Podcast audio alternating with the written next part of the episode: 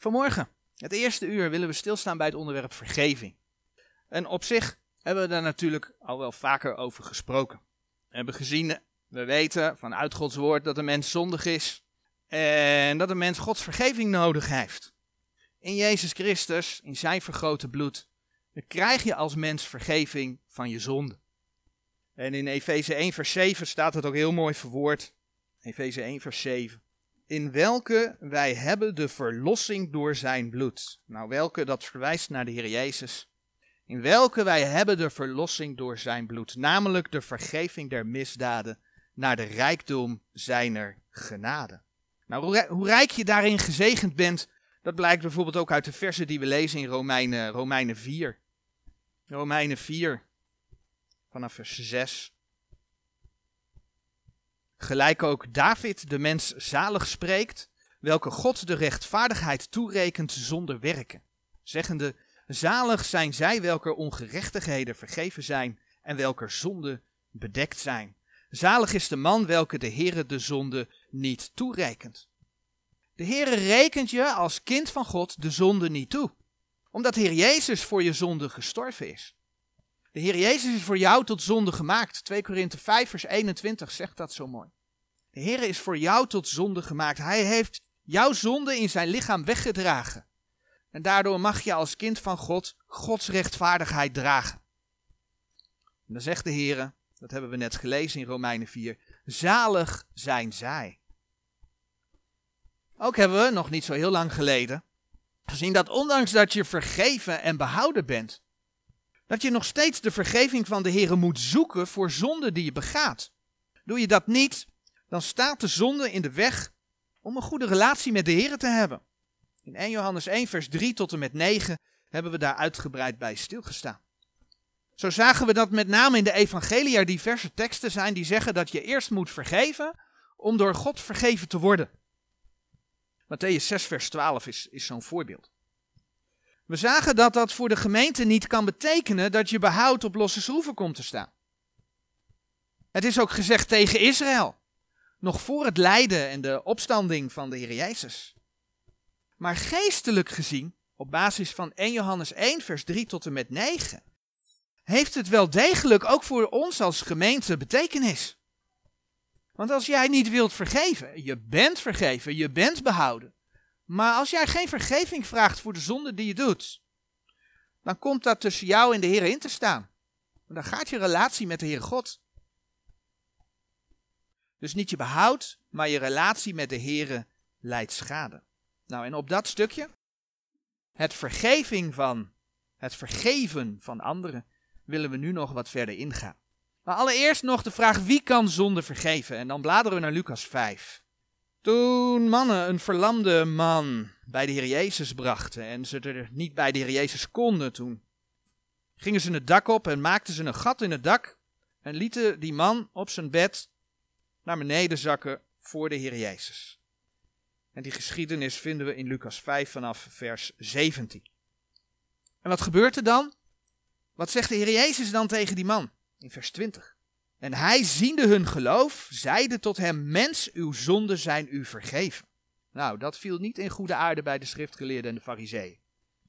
In vers 21 lezen we: En de schriftgeleerden en de fariseeën begonnen te overdenken, zeggende: Wie is deze die godslastering spreekt? Wie kan de zonde vergeven dan God alleen? Nou, helemaal vreemd is die reactie niet. Want als je in de wet en de profeten gaat lezen, dan zie je inderdaad dat de Heer in zijn woord zegt dat het de Heer is die zonde kan vergeven. In Daniel 9, vers 9 bijvoorbeeld. Daniel 9, vers 9. Bij de Heere onze God zijn de barmhartigheden en vergevingen, alhoewel wij tegen hem gerebelleerd hebben. Bij de Heere onze God zijn de barmhartigheden en vergevingen. Nou, in de wet kun je dat ook vinden, Exodus 34, vers 6 en 7 bijvoorbeeld. Maar hoe mooi zien we hier een bewijs in dat de Heer Jezus niet zomaar iemand was. De Heer Jezus was God geopenbaard in het vlees. Dat is wat de schrift laat zien, 1 Timotheus 3, vers 16. En in Lucas 5, vers 23 tot en met 25 lezen we dan ook. Lucas 5, vers 23. Wat is lichter te zeggen? Uw zonden zijn u vergeven. Of te zeggen, sta op en wandel. Doch opdat gij moogt weten dat de Zoon des Mensen macht heeft op de aarde de zonde te vergeven, zeide hij tot de geraakte, ik zeg u, sta op en neem uw beddeke op en ga heen naar uw huis. En hij terstond voor hen opstaande en opgenomen hebbende, hetgeen waar hij op gelegen had, ging heen naar zijn huis, God verheerlijkende. Men kon dus ook in die dagen de waarheid weten. Men kon weten, de Heere God vergeeft zonde, de Heer Jezus is God. Maar dat de Heere zonde vergeeft, dat neemt niet weg dat de Heere ook van zijn kinderen vraagt om anderen te vergeven. En dan bladeren we naar Efeze 4. Efeze 4, vers 32. Waar we lezen. Maar zijt jegens elkander goedertieren, barmhartig, vergevende elkander, gelijkerwijs ook God in Christus uw lieden vergeven heeft. We zagen zojuist hoe gezegend je als wederom geboren gelovige bent. De Heer heeft alles voor je weggedragen. Hij ziet je met Gods rechtvaardigheid. En om je relatie met de Heer in orde te houden, mag je elke keer bij Hem aankloppen en je zonde beleiden. Ja, Hij vraagt ook nalaten. Het nalaten van de zonde. Maar het gaat er nu even om, als je wat fout doet, mag je naar de Heer toe, mag je je zonde beleiden. En uit dankbaarheid daarvoor vraagt Hij je anderen te vergeven. Dat is Efeze 4, vers 32. Ja, en dat is dan niet alleen als ze jou zelf wat aangedaan hebben, maar ook als je weet dat iemand tegen de Heer gezondigd heeft. Kun je vergeven. Net als de Heer. En dan bladeren we naar 1 Korinthe. Want de gemeente Korinthe had allerlei problemen. Op het vlak van de gaven moest Paulus ze terechtwijzen. Maar ook op andere vlakken. Zo werd er bijvoorbeeld uh, hoererij bedreven. En in 1 Korinthe 5 vers 1, daar lees je dat er bijvoorbeeld iemand met de vrouw van zijn vader ging. In de versen daarna lees je hoe Paulus zegt dat de gemeente daar afstand van moet nemen. En de conclusie in 1 Korinthe 5 vers 13 is dan ook, en doet gij deze boze uit uw lieden weg. Ja, de Bijbel spreekt over vergevingsgezindheid. Maar dat houdt dus niet in dat je de zonde maar laat begaan. Zonde hoort bestraft te worden. 1 Korinthe 5 is daar een duidelijk voorbeeld van. Maar zo iemand kan wel tot bekering komen. Als iemand berouw heeft, en dan is Gods woord duidelijk, als iemand berouw heeft, moet je vergeven. In 2 Korinthe 2 komt Paulus op die situatie terug. En kijk wat hij zegt op het moment dat iemand berouw heeft. 2 Korinthe 2 vanaf vers 6.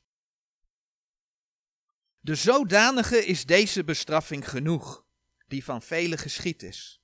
Alzodat gij daarentegen hem liever moet vergeven en vertroosten.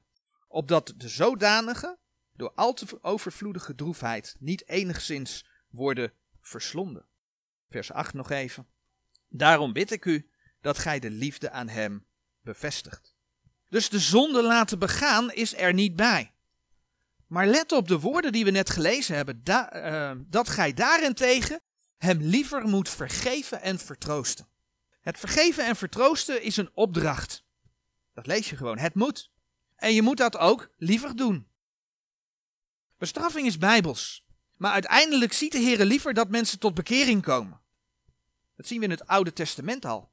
In het Oude Testament lees je bijvoorbeeld in Ezekiel 18, vers 23, dat de Heere God geen lust had aan de dood van de goddelozen.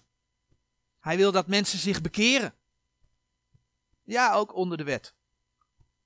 En ook in het Nieuwe Testament zien we dat. Het is de reden dat de Heer nog steeds niet is teruggekomen. Volgens 2 Petrus 3, vers 9. Hij wil dat mensen zich bekeren. En dat is wat hij dus ook van zijn kinderen vraagt. Niet bestraffen om het bestraffen, maar met het oog op bekering. En als mensen bekeren, als ze berouw hebben, vergeef ze dan ook. En dat geldt natuurlijk ook als mensen jou persoonlijk wat aandoen. En dan komt al gauw de vraag: maar hoe vaak moeten we anderen dan vergeven? Dan bladeren we naar Matthäus. In Matthäus 18, daar lezen we dat Petrus de Heer Jezus een vraag stelt. Matthäus 18, vers 21. Toen kwam Petrus tot hem en zeide, Heere, hoe menigmaal zal mijn broeder tegen mij zondigen en ik hem vergeven? Tot zevenmaal? En kijk wat de Heer Jezus dan voor een antwoord geeft in vers 22. Jezus zeide tot hem, ik zeg u, niet tot zevenmaal, maar tot zeventigmaal zevenmaal. Nou, ik denk niet dat de Heer Jezus uh, hier bedoeld heeft dat je moest gaan turven totdat je aan de 70 maal 7 maal komt. Ik denk dat de Heer hier duidelijk maakt dat je gewoon moet vergeven.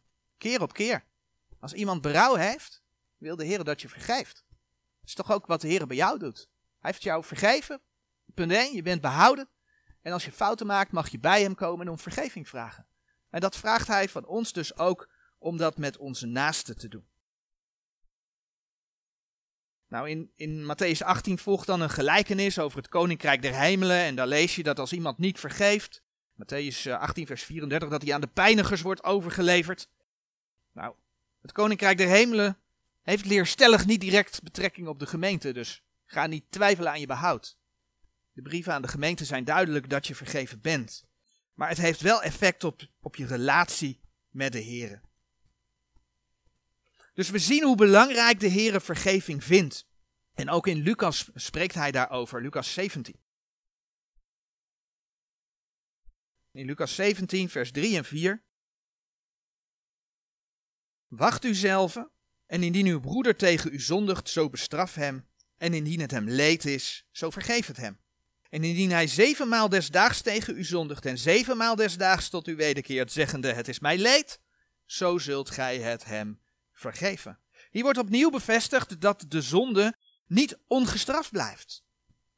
Maar als hij leed heeft, vergeef het hem. Dus berouw, als iemand berouw heeft, ja, vergeef hem dan. En dat iedere keer als het weer gebeurt. We hebben het nu over iemand die vergeving komt vragen, omdat hij of zij weet dat hij of zij fout zat. Maar wat doe je op het moment dat je weet van jezelf? Dat je zelf iets verkeerd hebt gedaan? Durf je dan ook zelf naar iemand anders toe te gaan en vergeving te vragen? Durf je tegen iemand te zeggen, iemand aan te geven van, ik heb dit en dit gedaan, maar het is niet goed wat ik gedaan heb. Vergeef mij. Durf je dat? Ik bedoel, dat kan dan een derde zijn. Buiten je directe omgeving, buiten je familie bijvoorbeeld, buiten je gezin bijvoorbeeld. Maar durf je dat ook binnen je gezin? Kinderen, vraag je aan je ouders vergeving als je iets verkeerd hebt gedaan, maar andersom ook. Ik bedoel, ik weet zelf dat het belangrijk is. Ik ben ook mens, ik maak ook fouten, dus naar mijn kinderen toe gebeurt dat ook.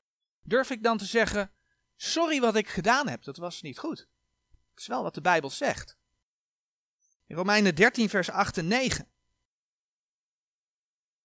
Daar lezen we het volgende. Zijt niemand iets schuldig dan elkander lief te hebben.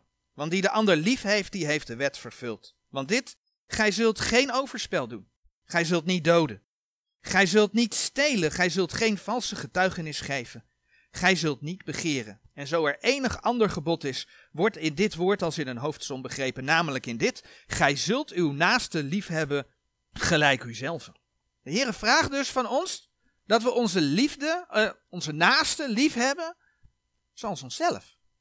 Als iemand jou iets aangedaan heeft, dan zou je het fijn vinden als die persoon naar je toe komt en zegt: Sorry, ik heb iets fout gedaan. Dat en dat. Wil je het mij vergeven? Daarom is het dus goed als je dat zelf ook in de praktijk brengt. Als je weet, ik heb iets fout gedaan, dat je ook naar die ander toe gaat. En zegt: Sorry, dat had ik zo niet moeten doen. En naar de Heere God toe is dat misschien duidelijk, maar de Heere vraagt het ook naar onze naasten toe. Laten we afsluiten met het lezen van twee versen in Colossense 3. Colossense 3, vers 12 en 13. Zo doet dan aan als uitverkorene gods, heilige en beminde de innerlijke bewegingen der barmhartigheid. Goede tierenheid, ootmoedigheid, zachtmoedigheid, langmoedigheid. Verdragende elkander en vergevende, de een de ander. Zo iemand tegen iemand enige klacht heeft Gelijkerwijs als Christus u vergeven heeft, doet ook gij alzo. Amen.